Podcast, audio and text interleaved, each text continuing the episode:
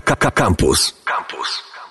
Minęła godzina 12, czyli jak zawsze o tej porze zaczynamy, y, no jak zawsze, no to dwa tygodnie.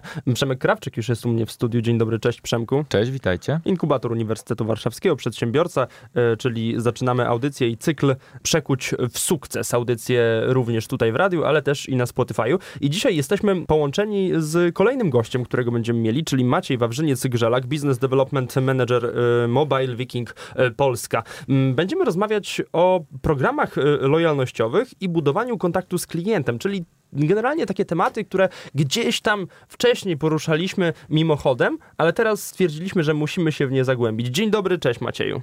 Cześć, cześć, miło mi. Przemku, już tak klasycznie w takim razie oddam ci pałeczkę prowadzącego na pierwsze pytanie. Aha, tak, no ja w ogóle chciałem powiedzieć, że tak, po pierwsze to mamy odcinek trochę po znajomości, bo my się z Maćkiem znamy osobiście e, no nepotyzm. już kilka dobrych lat, e, ale no to taki, na taki nepotyzm sobie możemy pozwolić. To zacznijmy w takim razie od przykładu, bo wiemy, że wasza firma realizuje taką przykładową formę programu lojalnościowego już od dłuższego czasu, który udowadnia, że mogą one przynosić bardzo wymierne korzyści naszym firmom, nawet takim małym, Właśnie to również będziemy udowadniać, ale na samym początku wyjaśnij może e, sam mechanizm. To jest taki nasz pomysł e, na zbudowanie programu lojalnościowego, w którym chcemy docenić e, wysiłki naszych użytkowników, wikingów, takich nazywamy i ta nazwa nie jest tylko gdzieś tam używana w, powiedzmy, do marketingowego przekazu, ale rzeczywiście w filmie jest to żywa nomenklatura i nasi wikingowie razem z nami mają szansę po prostu współtworzyć obecność naszą na rynku polskim poprzez zapraszanie użytkowników do sieci, a w ramach e, podziękowania za to zaproszenie my e, zaproponowaliśmy takie rozwiązanie, w którym każda zaproszona osoba, którą Wikik zaprosi do swojej załogi, o ile tylko pozostaje aktywna w sieci, przyznaje określoną zniżkę procentową. Jeśli takich osób znajdzie się 5, to zniżka wynosi równe 100%, czyli powiedzmy tak długo jak Twoja załoga płynie z Tobą, e, tak długo nasi, e, Ty możesz po prostu płynąć za darmo i korzystać sobie z pełnoprawnego, pełnowymiarowego produktu bez żadnych dodatkowych opłat. To jest w ogóle bardzo ciekawy przykład takiego właśnie programu lojalnościowego. Mm, fajnie, że od niego zaczynamy, bardzo mi się to podoba, dlatego że jednocześnie mm, w pewnym sensie zmusza Twoich klientów, zmusza, nie zmusza, robią to z własnej... Zachęca. Zachęca e, Twoich klientów, naszych klientów do tego, żeby zachęcali innych do korzystania z naszych usług i poznawali je na takim samym poziomie jak my dokładnie. No tak, tak, tak to jest. No pomysł, pomysł zdecydowanie nie jest jakimś naszym autorskim, to znaczy cała ta mechanika, w której e, rzeczywiście mm, korzystamy, czy dajemy możliwość obecnym użytkownikom e, rozpromować, czy w jakiś sposób podać dalej informacje o naszym istnieniu. E, to, to się dzieje z sukcesami w różnych branżach. No nie wiem, w Polsce bardzo popularne są takie programy chociażby w branży bankowej. Pewnie znacie jakieś produkty, gdzie nie wiem, za założenie banku, w banku jakimś konta dostaniecie jakiś tam bonus i czasami jeżeli zaprosicie kogoś ze znajomego do tego banku, to również ten znajomy dostaje jakiś bonus. To takie, takie mechanizmy gdzieś tam sobie istnieją i istniały. To absolutnie nie jest coś naszego autorskiego. Ja chciałbym się Maćku Ciebie zapytać trochę o kulisy, o szczegóły. Jak chętnie klienci korzystają z tego programu? Czyli jak to wygląda trochę, trochę w liczbach, w szczegółach? Mhm. Yy, dzieląc się jakimiś takimi szczegółami, to myślę, że to, co warto opowiedzieć o, o tych programach i, i, to, co myślę, że też może być ciekawe dla wszystkich słuchaczy naszego cyklu, yy, który gdzieś tam wydaje mi się, że ma doradzić, jak dobrze robić w biznesie i, i osiągnąć gdzieś tam sukces właśnie, to chyba kwestia tego, że taki program, w naszym przypadku przynajmniej, e, odpowiada za ponad 50% nowego biznesu. To znaczy napędza nam to e, ponad średnią. Powiedzmy, te, te, te, y, procentowe wskazania się wahają w zależności od tygodnia, no ale powiedzmy około, około gdzieś tam 52-3% średnio y, nowego biznesu, który do nas przychodzi. Przez nowy biznes mam na myśli nowe zamówienia. One y, są oznaczone, jakby te osoby, które składają te zamówienia, albo korzystają z linków referencyjnych, albo podają inne dane, które tam mamy możliwości osób, że, że mają osoby, które po prostu ich polecają. Także czy to, czy to dużo, czy to mało? Wydaje mi się, że bardzo dużo, jeżeli spojrzeć na to w taki sposób, że to jest 50% y, użytkowników, którzy przychodzą do nas dlatego, że po prostu ktoś, kto już korzysta z tej usługi im polecił, czyli wchodzą z takim powiedzmy pozytywnym bagażem doświadczeń. No bo ciężko sobie wyobrazić sytuację, w której użytkownik poleca produkt, a jednocześnie jest sam niezadowolony z, z korzystania, więc y, wydaje mi się, że dla każdego podmiotu działającego w ramach wolnego rynku, no to jest niesamowity benefit na dzień dobry. Oczywiście kredyt zaufania, który trzeba powiedzmy spłacić, bo, no bo prawda, każdy nowy użytkownik rozpoczyna własną indywidualną przygodę, więc, więc to jest tylko takie dobre słowo na początek, ale jednak zamiast z poziomu zero, jednak zaczynamy z jakiegoś takiego poziomu, który, który jest wyższy. Myślę, że jest to taki fajny argument, bo powiem szczerze, sam jak zaczynałem, myślałem sobie o tym, że kurczę, mm, rozdawać coś za darmo to jest y, zła droga. Zawsze mi tak mówili, że, że, że, raczej, że raczej to są takie. Że nie ma darmowych obiadów. Że, że, że, nie ma darmowych obiadów, nie ma nic za darmo, więc ja też myślałem sobie, że przy prowadzeniu biznesu też takich rzeczy raczej nie powinno być. Ja powinienem szukać właśnie mm, źródeł dochodu, a jak udostępniam takie programy lojalnościowe, to myślę, że wiele, wielu przedsiębiorców też ma generalnie ten problem, że boi się y, udostępniać takie usługi za darmo.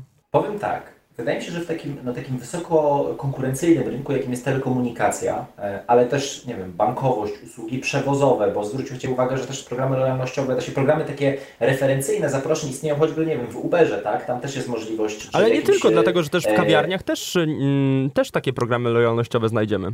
Tak, jasne, jasne, one oczywiście tam są, ale o co chodzi? Jest bardzo dużo podmiotów, które świadczą podobną usługę, prawda? To nie jest tak, że te, te firmy, o których mówimy, działają jako samotne wyspy, jako jedyne mają, nie wiem, know-how albo technologię, albo coś innego, tylko powiedzmy jest dużo podmiotów. I teraz pozyskanie klienta, ta jego akwizycja, to jest jeden z najtrudniejszych elementów, bo jeżeli usługi, które świadczymy, są bardzo podobne do usług konkurencji, tak? Generalnie są podobne. No, jeżeli chodzi o telekomunikację, no to powiedzmy SMS-y, minuty, internet, to jest to, jest to prawda? Czy jesteś u jednego, czy u drugiego operatora, no oczekujesz, że Twój telefon zadzwoni wtedy, kiedy chcesz po prostu z niego zadzwonić i, i to ma działać. E, więc ta akwizycja klienta e, jest naprawdę trudnym elementem, no bo dlaczego miałbyś zmieniać e, dostawcę, którego masz od lat, znasz go, e, na rzecz kogoś innego, kto oferuje mniej więcej to samo. Tak? Oczywiście wydaje się też, że każdy z y, tych działających buduje sobie swoje przewagi konkurencyjne gdzieś indziej. E, wydaje mi się, że my jesteśmy bardziej unikatowi od innych operatorów i myślę, że każdy też pracownik innego operatora powie to samo o własnej firmie, ale to nie zmienia faktu, że z perspektywy klienta, który na tym wolnym rynku ma podjąć jakąś decyzję, taki e, taka, takie wsparcie tej decyzji przez innego zadowolonego użytkownika znaczy bardzo dużo, często dużo więcej niż jakikolwiek marketingowy przekaz, który można wyprodukować powiedzmy i odgórnie wrzucić w rynek. I teraz y, może właśnie chciałbym zacząć od tego mm, budowania kontaktu z klientem, który moim zdaniem jest y, taką podstawą w absolutnie każdej branży do osiągnięcia sukcesu. No tak, to, to prawda. Wydaje mi się, że y, pierwsza rzecz, jeżeli w ogóle myślimy o zbudowaniu jakiegokolwiek programu lojalnościowego, no to jest dostarczenie usługi, co do której nie będzie zastrzeżeń. No bo to jest taki absolutny fundament. Powiedzmy, jakość zawsze jest elementem podstawowym. Bardzo mało wydaje się, że jest takich uczestników rynku, którzy są gotowi na jakieś kompromisy w zakresie jakości, znaczy może inaczej, kompromisy czasami tak, ale jeżeli są niedociągnięcia w zakresie podstawowej jakości, no to, to tego jakby nie, nie da rady jakby na tym nadbudować y, jakiegoś tam systemu poleceń czy lojalnościowego systemu z sukcesem. To, to z pewnością y, prawda.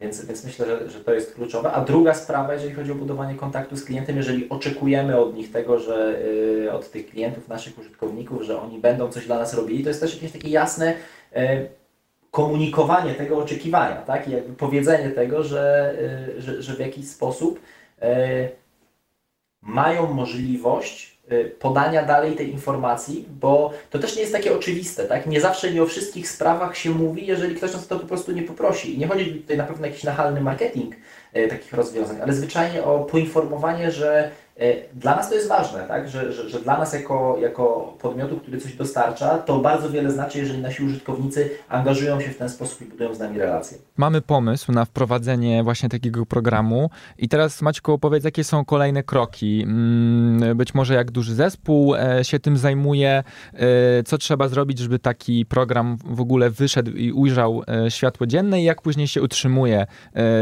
czyli pracuje na takim projekcie. Też jeszcze bym chciał do pytania Przemka dodać, że czasem jest tak, że to my sami ten program musimy stworzyć, więc z zespołem różnie to bywa. I czy w takim razie, skoro jesteśmy sami, to możemy w ogóle porywać się z taką przysłowiową motyką na słońce?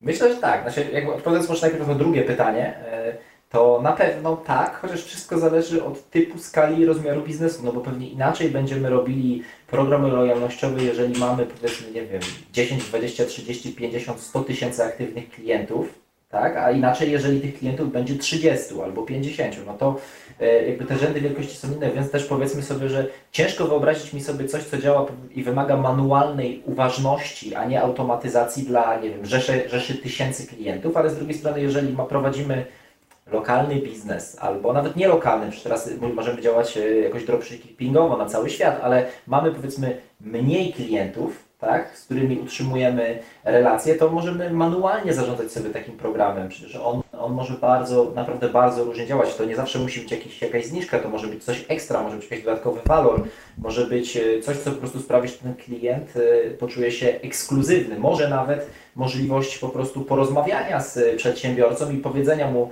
e, temu przedsiębiorcy, co byłoby fajnie w produkcie, w usłudze zmienić, żeby był jeszcze lepszy i taka możliwość bycia powiedzmy beta testerem czy jakikolwiek innym e, osobą, która też współdecyduje o kształcie rozwoju produktu. Myślę, że e, użytkownicy to bardzo doceniają i klienci bardzo doceniają takie możliwości, kiedy to oni są też pytani o zdanie.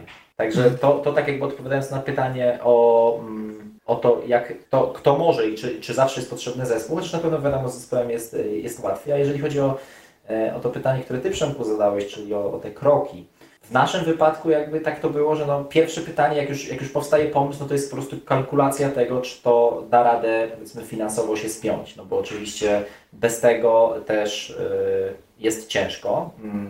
Yy, nie, wydaje mi się, że też nie ma co wprowadzać czegoś, co za miesiąc czy dwa miesiące należy, będzie, będzie trzeba wycofać ze względu na to, że jest to e, nieopłacalne albo ryzykowne e, biznesowo, tak? bo, bo, bo to też się musi gdzieś tam wszystko e, spinać. Więc, więc u nas tak to wyglądało, że, że najpierw była powiedzmy seria kalkulacji i modyfikacji pewnych czynników związanych właśnie z tym, jak to się gdzieś tam biznesowo wszystko spina, ale jak już doszliśmy powiedzmy do takiej zweryfikowanej idei, ten sposób. Y, jeszcze bez żadnej nazwy, bez żadnej komunikacji, bez żadnego pomysłu na to, że to się będzie akurat nazywało za darmo i tak dalej, no to przyszliśmy już do takich działań operacyjnych, które szły dwutorowo. Z jednej strony było to po prostu wdrożenie e, zespołu IT, które trwało około trzech miesięcy. Tak, tak mi się wydaje, że, że nasz zespół skramowy trzy miesiące pracował, żeby powiedzmy wdrożyć to e, produkcyjnie w takiej wersji powiedzmy pierwszej, która już była funkcjonalna, takie MVP. A później e, równolegle do tego działy się prace e, komunikacyjne, gdzie jakby no, marketing pracował nad, nad, nad e, przygotowaniem całej komunikacji dookoła tego produktu, jakiejś kampanii, tak żeby ci użytkownicy wiedzieli też o tym, że coś się zmienia i że mogą z czegoś skorzystać. Więc tak to, tak to wyglądało u nas. Ale powiedzmy, nie uważam, żeby wdrożenie takiego programu lojalnościowego było biznesowo jakimś ogromnym projektem, strategicznym, który trwa bardzo długo. To znaczy ta faza koncepcyjna może trwać długo, tak żeby to wszystko miało ręce i nogi, ale jeśli chodzi później o samo wykonanie, to oczywiście wszystko zależy od specyfiki biznesu, ale wydaje mi się, że to jest raczej projekt krótko do średnioterminowego. Nie, tutaj... Oczywiście jeżeli chodzi o jego wdrożenie. Nie? Tu też poruszyliśmy fajną kwestię e, kwantyfikacji, moim zdaniem. To, to, to, to jest takim kluczem również do wdrażania wszelkich programów lojalnościowych, żeby to wszystko po prostu liczyć, żeby, żeby notować, żeby tworzyć, nawet jeśli jesteśmy sami, nawet jeśli sami prowadzimy ten biznes, żeby wszystkie liczby mieć na oku. Tutaj jeszcze Maciek powiedział nam poza anteną o tym, że, mm, że y, wiedzą o tym, że ich użytkownicy wchodzą na piąte pokolenie, y, piąte pokolenie polecania sobie nawzajem. To jest bardzo ciekawe. Jakbyś mógł jeszcze to rozszerzyć na, y, na nagraniu, tak. to bylibyśmy wdzięczni. No, tak jak tak jak, tak, jak, tak jak y, mówisz o tych liczbach, no to jest rzeczywiście kluczowe, żeby, żeby dbać o kondycję tego programu, patrzeć też jak on się zmienia w czasie, bo to też widać, że użytkownicy inaczej z tego programu korzystają po czasie, wiadomo, im więcej tych użytkowników, też, ten, też tym więcej jest tych aktywnie zaangażowanych, no i my sobie też śledzimy i patrzymy, kto i jak poleca, bo mamy takich użytkowników, którzy polecają y, bardzo dużo, y, bardzo dużo, to znaczy idzie to w dziesiątki nowych, mimo że powiedzmy przy pięciu jest ten level maksymalny, tak? Jakby powyżej piątego poleconego masz już za darmo już więcej jakby, no nie możesz mieć dwa razy za darmo, masz za darmo jakby na stałe i zawsze, ale to wcale nie zniechęca użytkowników. Są tacy, którzy y, polecają i idzie to w dziesiątki, tak? Oczywiście jest to ba bardzo mała grupa, można ich policzyć na palcach jednej ręki, ale są też tacy użytkownicy, którzy na przykład e, realizują jedno czy dwa polecenia e, i później jakby ciekawa jest historia, bo, bo, bo, właśnie tutaj, co mówisz o tych, o tych pokoleniach, jest taka kwestia, że ci zaproszeni e, przez tych użytkowników również zapraszają kogoś i ci za kolejni zaproszeni zapraszają kogoś, no i w tym momencie właśnie mamy już piątą generację aktywną w naszym systemie, to znaczy widzimy, że rzeczywiście są tacy użytkownicy, którzy mają nad sobą czterech, którzy przyszli z polecenia. Także rzeczywiście widać, że też ta poczta y, pantoflowa działa, tak? No bo, no bo widać, że udało się nie dość, że mm, przekonać tego pierwszego na początku, to ten pierwszy skutecznie zarekomendował komuś innemu, my dowieźliśmy jakość i ten drugi też jakby zarekomendował dalej, a my znowu dowieźliśmy jakość i tak się to kręci. To jeszcze tak na, na, na takim podcastowym marginesie e, chciałbym powiedzieć, że kwantyfikacja to jest w ogóle coś, co powinniśmy poruszyć, myślę. E, kwantyfikacja, analityka, w mm -hmm. ogóle tak, liczenie rzeczy gdzieś tam backgroundowo i z tym się wiąże moje kolejne pytanie, no bo na, w inwestowaniu na giełdzie jest taka świetna strategia stop loss, czyli sobie ustalamy mm -hmm. taki y, po, poziom strat, po którym obcinamy, tak? Czyli pozbywamy się e, aktywów mhm. i w tym momencie ograniczamy dalsze straty. Pytanie do Was, czy mieliście jakieś warunki brzegowe określone w czasie, horyzoncie, takie KPI, że jak nie osiągniemy czegoś, to w takim razie rezygnujemy. Jak to było u Was? Czy mieliście taki stop loss, czy taki wentyl tak. bezpieczeństwa? Tak. Mamy od, od, samego początku był, jest, taki, jest taki wskaźnik ustalony na procent, relację, jaka w strukturze zysków może być e, jakby oddana na strukturę nagród przyznawanych polecającym. E, I, I, jakby jest ten parametr na bieżąco badany, jakby zestawiany na bieżąco, ile jakby procent my e, ze wszystkich doładowań, które są realizowane w naszej sieci przeznaczamy na te e, refundacje czy, czy nagradzanie tak, naszych, naszych polecających. I jakby tak długo ten parametr jest w normie, tak długo program powiedzmy na takim poziomie ogólnym jest dla nas rentowny i działa, ale dodatkowo, tak jak też powiedziałem mm, wcześniej, wiecie, to jest tak, że ten program realizuje określony cel. Tak? Jego celem jest budowanie też tej, y, tego wzrostu naszej bazy użytkowników właśnie dzięki potencjałowi, który mają w sobie obecni użytkownicy i to też jest dodatkowy wymiar, na który należy patrzeć, ponieważ jeżeli byśmy chcieli pozyskać takich użytkowników w inny sposób, no to również musielibyśmy podjąć jakieś działania operacyjne, żeby ci klienci e, się u nas pojawili, takie, żeby zostali wikingami, bo, bo na rynku powiedzmy nie brak e, operatorów. I teraz mm, jest tak, że my jesteśmy w stanie, bo pozyskujemy również aktywnie użytkowników w innych kanałach i jesteśmy w stanie wycenić, jaki jest koszt pozyskania użytkownika. Tak? I oczywiście też staramy się tam to optymalizować, jak każdy biznes działamy na rzecz mm, tego, żeby takie koszty były E, pod kontrolą i żebyśmy my mieli na nie wpływ i realizowali z sukcesami nasze założenia, e, które mamy. I teraz ten wzrost, który mamy dzięki programowi lojalnościowemu, można łatwo przeliczyć i, i potraktować go też jakby jako oszczędności, bo z jednej strony, ok, my pozbawiamy się, jak żeście zauważyli, e, części dochodu, który moglibyśmy zyskać, ale z drugiej strony mm, redukujemy koszt pozyskania użytkowników. Więc to jest taki Mm, status quo, na który my się zgadzamy, nam to pasuje, tak? Jakby w naszym modelu biznesowym to się bardzo spina. Mhm. To, to teraz y, przejdźmy troszkę do kolejnego tematu. Y, korzystając z sieci Mobile Vikings, niewykorzystane gigabajty e, się kumulują i można mieć z miesiąca na miesiąc ich coraz więcej. Dochodzimy do takiego pułapu, mhm. że mamy 100, 200, 300, 500 i wpadliście na tak. dość nieszablonowy pomysł, w jaki sposób można te gigabajty zutylizować. Opowiedz trochę o tym i powiedz też, jaki jest cel tego, tego właśnie programu y, sklepu. Już tutaj trochę odkryję karty. Już?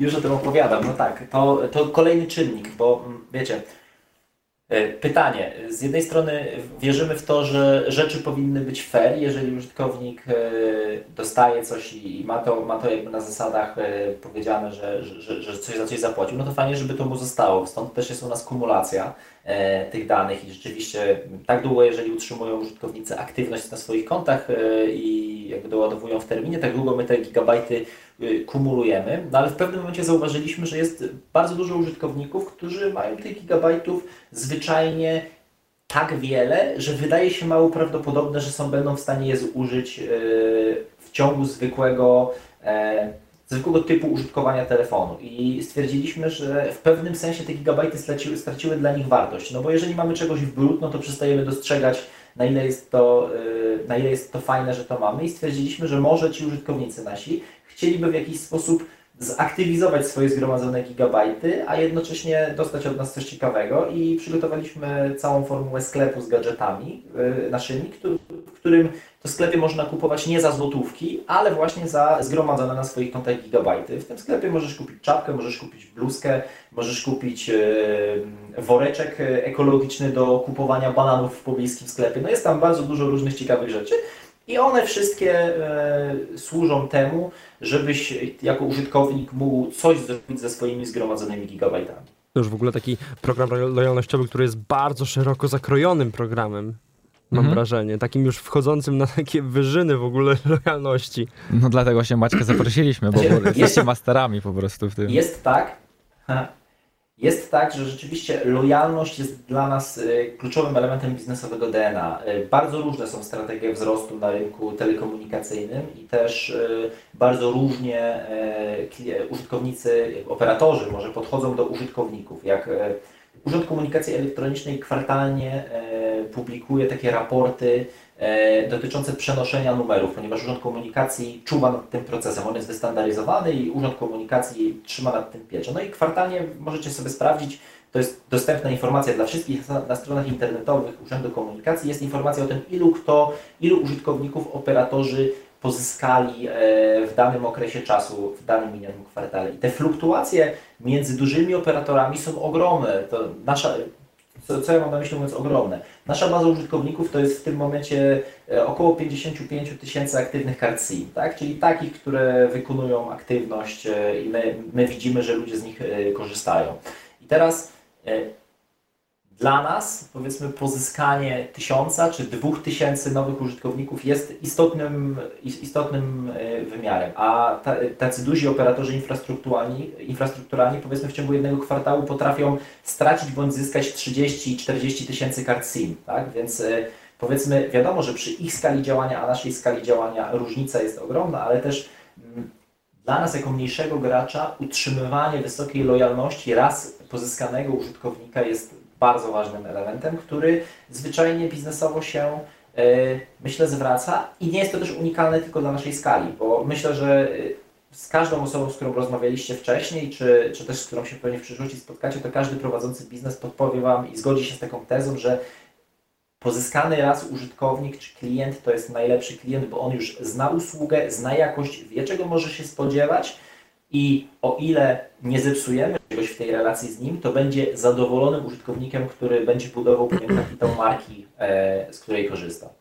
Maciek już o tym właśnie powiedział, ale chciałem powiedzieć, że mm, nie tylko właśnie na rynku telekomunikacyjnym jest to bardzo istotne. Myślę, że możemy to odnieść do absolutnie każdego biznesu, że lojalność i to zdobycie klienta i dbanie o niego, kiedy już go pozyskaliśmy, jest jednym z najważniejszych czynników prowadzenia No tak, biznesu. bo generalnie taniej jest klienta utrzymać niż zdobyć nowego, więc y, stąd, stąd też się tak, staramy, żeby oni zostali z nami.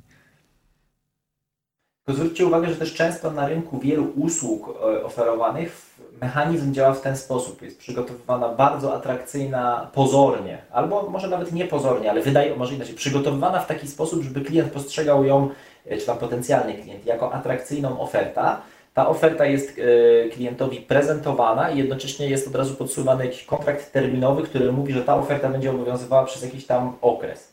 Tak. E, klient zachęcony tym, tym rozwiązaniem podejmuje decyzję o, o wejściu w jakąś relację z danym produktem ale powiedzmy po krótszym bądź dłuższym czasie coś zaczyna się nie podobać. Czasami z winy takiej, że powiedzmy coś było niewystarczająco jasno zakomunikowane, czasami wynika to z tego, że klientowi wydawało się, że kupuje jedno, a tak naprawdę kupował coś innego. Przyczyn jest bardzo dużo, e, ale problem jest taki, że jeżeli pojawia się ten element długoterminowego zobowiązania, to pojawia się też taka bardzo niewygodna i trudna, myślę, dla obu stron e, kwestia utrzymywania pewnego negatywnego sentymentu i posiadania w, jakby w ramach bazy swoich użytkowników ludzi, którzy wcale nie są zadowoleni z produktu. To jest taka trudna sytuacja e, nawet z perspektywy wolnego rynku, no bo mówi się, że wolny rynek ma to do siebie, że się samoreguluje, tak? I że ludzie po prostu albo będą głosowali portfelami za pewnymi produktami, albo nie, a tutaj mamy taką, powiedzmy, nie chcę powiedzieć anomalię, bo to jest jednak praktyka, która istnieje, ale jednocześnie coś, co jest y, trudne y, do obronienia, więc, więc tym bardziej y, w naszym wypadku przynajmniej wolimy i wierzymy w to głęboko jako, jako marka, że powinniśmy jednak budować na kapitale zadowolenia i lojalności dobrowolnej, a nie lojalności wymuszonej warunkami kontraktu. Tak? No bo to też przecież jest lojalność. Jeżeli tak. mamy wiem, klienta, który podpisał umowę na 24 miesiące, no to też nie można powiedzieć, że on jest nielojalny. On co miesiąc płaci fakturę, nie? Tylko kwestia jest taka, czy on tę fakturę chce płacić i czy lubi kupować to, co, y, to, co dostaje. Mm, tak jest. No to w takim razie mm, e, fajnie, fajnie, że o tym mówisz, tym zadowoleniu, mierzeniu, bo to jest związane z moim kolejnym pytaniem. Natomiast zanim je zadam, to chciałem powiedzieć, że też absolutnie moim zdaniem e, Mobile Vikings robicie jeden z najlepszych marketingów, jaki ja w życiu widziałem, bo e, dostaję, dostaję raz na jakiś czas maile od was i, i ja, no, jak widzę, że jest mail od Mobile Vikings, to po prostu jestem wszystko, wszystko, co chcę zrobić, to właśnie otworzyć tego maila i go przeczytać. Słuchajcie, dostałem, dostałem takiego maila na przykład po pierwszym doładowaniu. No i tytuł tego maila to Rada Wikingów zatwierdziła twoją płatność, a w środku w treści jest napisane e, Dzień dobry, płatność za pierwsze doładowanie do twojego nowego wikingowego numeru dotarła do naszego skarbca. Nasze walkirie zostały już poinformowane i zajmą się dostawą twojej karty SIM. Więc, e, więc generalnie kocham, kocham wa waszą komunikację. Też kiedyś dostałem na przykład maila, gdzie w tytule było e, będzie drożej. No ja się troszkę zestresowałem, wchodzę w maila i jest w treści maila żartowaliśmy, będzie taniej. I, I dalej opisujecie, jak to tam się zmienią warunki roamingu, na przykład, że jest tam taniej za minutę, więc e, dobrze, przechodzę do pytania. Jak mierzycie zadowolenie klientów? E, czy to jest po prostu NPS e, i, i jeżeli tak, to jak wam to wychodzi? Czy są jakieś inne metody mierzenia tego zadowolenia? Czy po prostu patrząc na przyrosty sobie myślicie, że no jak jest więcej klientów, którzy polecają, to automatycznie sprawia, że ci poprzedni byli zadowoleni? E, to jest chyba e, suma tych wszystkich metod, tak? Bo e, korzystaliśmy kilka razy z NPS-u i to rzeczywiście się pojawiało, ale przy naszej skali, jeżeli kiedy zleciliśmy NPS na zewnątrz, to naprawdę ciężko było firmie, z którą współpracowaliśmy, przygotować nam badanie w taki sposób, żeby po prostu próbka statystyczna się zgadzała i była niezaburzona, żeby to można było porównać z innymi operatorami bo jest po prostu tych wikingów naszych mało i dużo łatwiej jest w, random, w zrandomizowanej próbce zadzwonić do użytkownika sieci e, innej, dużej, niż akurat trafić powiedzmy na tego jedną z tych 50 tysięcy kart należących do wikingów, więc, więc to utrudnia. Jeżeli e, robiliśmy e, nasze własne badania wewnętrzne NPS-u, no ale one wiadomo nie są tak obiektywne, żeby, mm, żeby się nimi gdzieś tam na zewnątrz jakoś mocno, mocno chwalić, bo Prawda? Łatwo, łatwo konkurencja może wtedy powiedzieć, że to są badania, które żeśmy zmanipulowali. My oczywiście ich nie manipulujemy, bo dla nas to jest istotna, e, istotna informacja. Tamto zadowolenie e, wychodziło, e, nie, nie pamiętam dokładnie jaki to był wynik, ale pamiętam, że to było powyżej 70% na pewno. No to jest super wynik, byliśmy, byliśmy większy niż Apple. Tak, ale wiecie co, powiem tak, na naszym blogu na pewno można znaleźć tą informację, jak to wyglądało, jeżeli, jeżeli ktoś z naszych słuchaczy będzie tutaj zainteresowany, a ale dodatkowo, y, dodatkowo na tym blogu znajdziecie też y, raporty z innych badań, które robimy. I to ciekawe, że dzisiaj o tym rozmawiamy, bo właśnie pojawił się taki wpis, całkowicie niezależnie, dotyczący podsumowania ostatniego raportu, ponieważ stwierdziliśmy, że też podzielimy się z naszą społecznością E, wynikami e, który, e, z informacji, które od nich zebraliśmy. Tak? I, tutaj jakby też my, my, na bieżąco badamy i ankietujemy czasami całą naszą bazę, czasami część naszej bazy, czasami wybieramy tych użytkowników powiedzmy i kontaktujemy się tylko z tymi, którzy w określonym kwartale do nas przybyli, a czasami to są ogólne badania, wszystko zależy od celu. Ale jesteśmy bardzo mocno na bieżąco a propos, a propos zadowolenia. No i to, co Przemku tutaj wspomniałeś, że E, że, że, że to by się podobało, nasza komunikacja e, rzeczywiście jest też doceniana. Jakby my wiemy to, że, że użytkownicy lubią, szanują i cieszą się e, z tego, że w mailach prawda, znajdą ciekawostkę, a, a że ten język jest powiedzmy wikingowy, ale z przymrużeniem oka, bo też nie mamy takiego pomysłu, żeby być super nordyccy i bardziej nordyccy od Odyna, tylko raczej chcemy, chcemy powiedzmy bawić się troszeczkę wikingową konwencją. E, ale wiesz, inwestujemy też e, w takie rzeczy jak e, nasza obsługa Wikinga, tak? nasz helpdesk, który i, tutaj jakby z ostatniego badania informacja, powiedzmy przeważająca część naszych badanych wskazuje jako, jako to, jako nasz walor to, że po prostu wie, że kiedy ma jakiś problem, to czuje, że helpdesk wszystko zrobi, żeby ten problem rozwiązać, bez czekania, bez, bez jakichkolwiek, nie wiem, automatów typu e, jesteś na infolinii, wybierz 8, poczekaj, wbij swój PESEL, naciśnij gwiazdkę i zrób jeszcze nie wiadomo co, tylko od razu po prostu jest kontakt z człowiekiem, który, który gdzieś tam gdzieś tam pomaga. Nie? Więc to znowu jakby mówię o tym dlatego, że znowu się odnoszę też do, tej, do tego fundamentu tej lojalności, czyli tej jakości, którą na początku trzeba dostarczyć, nie? Bo, bo nie chciałbym, e, żebyśmy mieli takie poczucie, e, czy też słuchacze, żeby mieli poczucie, że programy lojalnościowe to jest trochę taka, wiecie, E, muchołapka na po prostu klientów i że jak zrobimy czarodziejski program, to oni przyjdą, będą szczęśliwi, a my możemy dostarczyć usługę średniej jakości. Nie?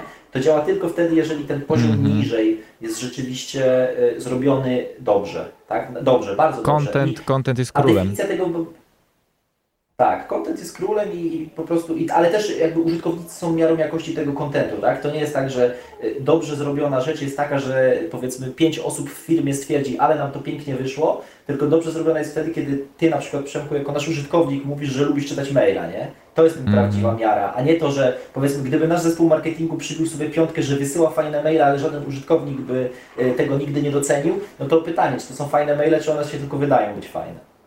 To już na sam koniec w takim razie dwa e, takie stałe punkty naszego programu, czyli po pierwsze, e, Maciej, co byś polecił do przeczytania młodym przedsiębiorcom, którzy, którzy chcieliby korzystać z programów, może rozpocząć program lojalnościowy, ale nie tylko, po prostu może pomóc, pomóc w prowadzeniu e, biznesu codziennie. Jakaś literatura. Hmm. Wiecie co, jest taka książka, która y, dla mnie naprawdę jest, y, nie wiem, nie mam pojęcia, czy to raczej wątpię, żeby to było coś unikatowego, ale myślę, że jeżeli chodzi o prowadzenie biznesu i w ogóle myślenie o biznesie jest naprawdę wartościowa, to jest Simona Sinka Zaczynaj od dlaczego. I e, to jest naprawdę niezbyt grube, e, acz bardzo ciekawe, e, ciekawe takie studium tego, w jaki sposób w ogóle myśleć o realizowaniu jakichkolwiek działań i że zadanie sobie na, na początku tego pytania, po co ja to właściwie robię, co ja chcę tym zrobić i nie chodzi mi tylko o, wiecie, wielkie wizje przedsiębiorstw, ale nawet o takie rzeczy jak program lojalnościowy, najbliższa promocja, jakaś akcja czy wprowadzenie produktu, nie? że warto sobie zadać pytanie, po co ja to robię i powiedzmy nie najlepszą odpowiedzią jest po to, żeby zarobić więcej pieniędzy, tak? Jakby, bo to zarabianie pieniędzy powinno, czy tam rentowność czegoś powinna być efektem, a nie przyczyną, tak? Świetnie, bo I, i, tak, to tak, mi się wydaje, że jest wydaje mi się, że to jest po prostu kluczowe. Więc polecam naprawdę wszystkim, e, zaczynaj od dlaczego, to jest e, Kawał dobrej, do, dobrego mm, czytania. W odcinku 14 Małgosia Wardaszka również wspominała o Simonie tak. Sinku, koncepcja Złotego Kręgu, więc teraz już wiecie, drodzy słuchacze, że naprawdę tę książkę trzeba przeczytać. Więc ostatnie pytanie ode mnie, Maćku, poleć naszym słuchaczom jakąś aplikację webową e, te, na, czy, na, czy na twojego smartfona, z której na co dzień korzystasz i ona ci ułatwia e, pracę albo po prostu zwiększa gdzieś twoją produktywność osobistą i pomaga ci, ci gdzieś tam w codziennym funkcjonowaniu, taką, żeby była darmowa i żeby słuchacze mogli sobie sobie zainstalować i pokorzystać? Hmm. Z czego ja korzystam? Ja korzystam z, na pewno ze Slacka na co dzień, bo my w firmie się komunikujemy na Super. Slacku. Super. Slacka jeszcze nie było, to możesz opowiedzieć. Jestem zachwycony Slackiem. E, wiecie, podejrzewam, że też część z naszych słuchaczy, waszych słuchaczy, którzy e, mają, może też Microsoft Teams jakby jako odpowiedź powiedzmy komercyjna Microsoftu, ale jest to generalnie komunikator, e, który pozwala na bardzo fajne zarządzanie przepływem informacji w firmie e, dwa walory. Pierwszy jest taki, czy w firmie, czy w organizacji, tak? bo, bo, bo na to trzeba jakby tak popatrzeć. Pierwszy jest taki, że poza wiadomościami prywatnymi czy grupowymi można też stworzyć kanały i te kanały mogą być też, jakby one są wokół jakiegoś tematu i prawda, mogą sobie funkcjonować kanały typu, nie wiem, zespół marketingu, zespół sprzedaży, e, zespół pozyskiwania, bardzo różne i, i po prostu w tych kanałach toczy się dyskusja, do tego kanału można osoby dołączać, odłączać, swobodnie sobie nimi funkcjonować, a kanał jakby ma pewną swoją treść, która, która w tym kanale istnieje i można do niej sobie sięgnąć. E, a druga rzecz, która jest super w Slacku, to to, że jest masa pluginów, które można podłączyć mhm. i inne narzędzia, z których korzystamy na co dzień, typu, nie wiem, choćby Gmail, ale nie wiem, Trello, Gmail, e, Jira, e, Google Kalendar, wszystko to może się po prostu połączyć z tym komunikatorem i wszystkie notyfikacje, z których korzystamy na bieżąco, są przesyłane właśnie tam. Czyli nie mamy, wiecie, 600 miejsc, gdzie sprawdzamy, czy coś nowego do nas nie przyszło, tylko na jednym komunikatorze w uporządkowany sposób pojawiają się wszystkie notyfikacje, które nas dotyczą. Co więcej, mm, w zależności od integracji też z poziomu tego komunikatora czasami można odpowiedzieć, typu ktoś zostawił Wam komentarz w dokumencie Google'a, a Wy możecie bez otwierania tego dokumentu po prostu z poziomu komunikatora odpowiedzieć na ten komentarz i wrócić sobie do tego, co robiliście wcześniej. Także Slacka polecam, znakomita sprawa. Super. Maciej Wawrzyniec-Grzelak, Business Development Manager z Mobile Viking z Polska. Rozmawialiśmy z nim o programach lojalnościowych, budowaniu kontaktu z klientem i wyciągnęliśmy, mam wrażenie, masę fajnych informacji od niego. Dziękujemy Ci bardzo, Maćku. Dziękuję również, było mi niezmiernie miło. Maćku, bardzo, bardzo Ci dziękujemy. Naszych słuchaczy zapraszamy właśnie do zapoznania się z tym odcinkiem i innymi odcinkami Przekuć w sukces. My się słyszymy ponownie już za dwa tygodnie i życzymy Wam dobrego czasu, spędzonego produktywnie. To jest pierwszy odcinek od wybuchu e, epidemii, kiedy nie padło słynne słowo na C. Bardzo się z tego cieszę. To prawda, coś w tym jest. Ja w ogóle, ja w ogóle chciałbym powiedzieć, że zacząłem korzystać z Todoist. Bardzo mi się spodobało, więc jeszcze raz ja polecę tę aplikację. Może ktoś e, dzięki mojemu poleceniu stwierdzi, a dobra, to ja też spróbuję. To ja też polecam. Przemek Krawczyk. Kamil Kuć. Dzięki wielkie. Papa. Słuchaj Radio Campus, gdziekolwiek jesteś. Wejdź na www.radiocampus.fm.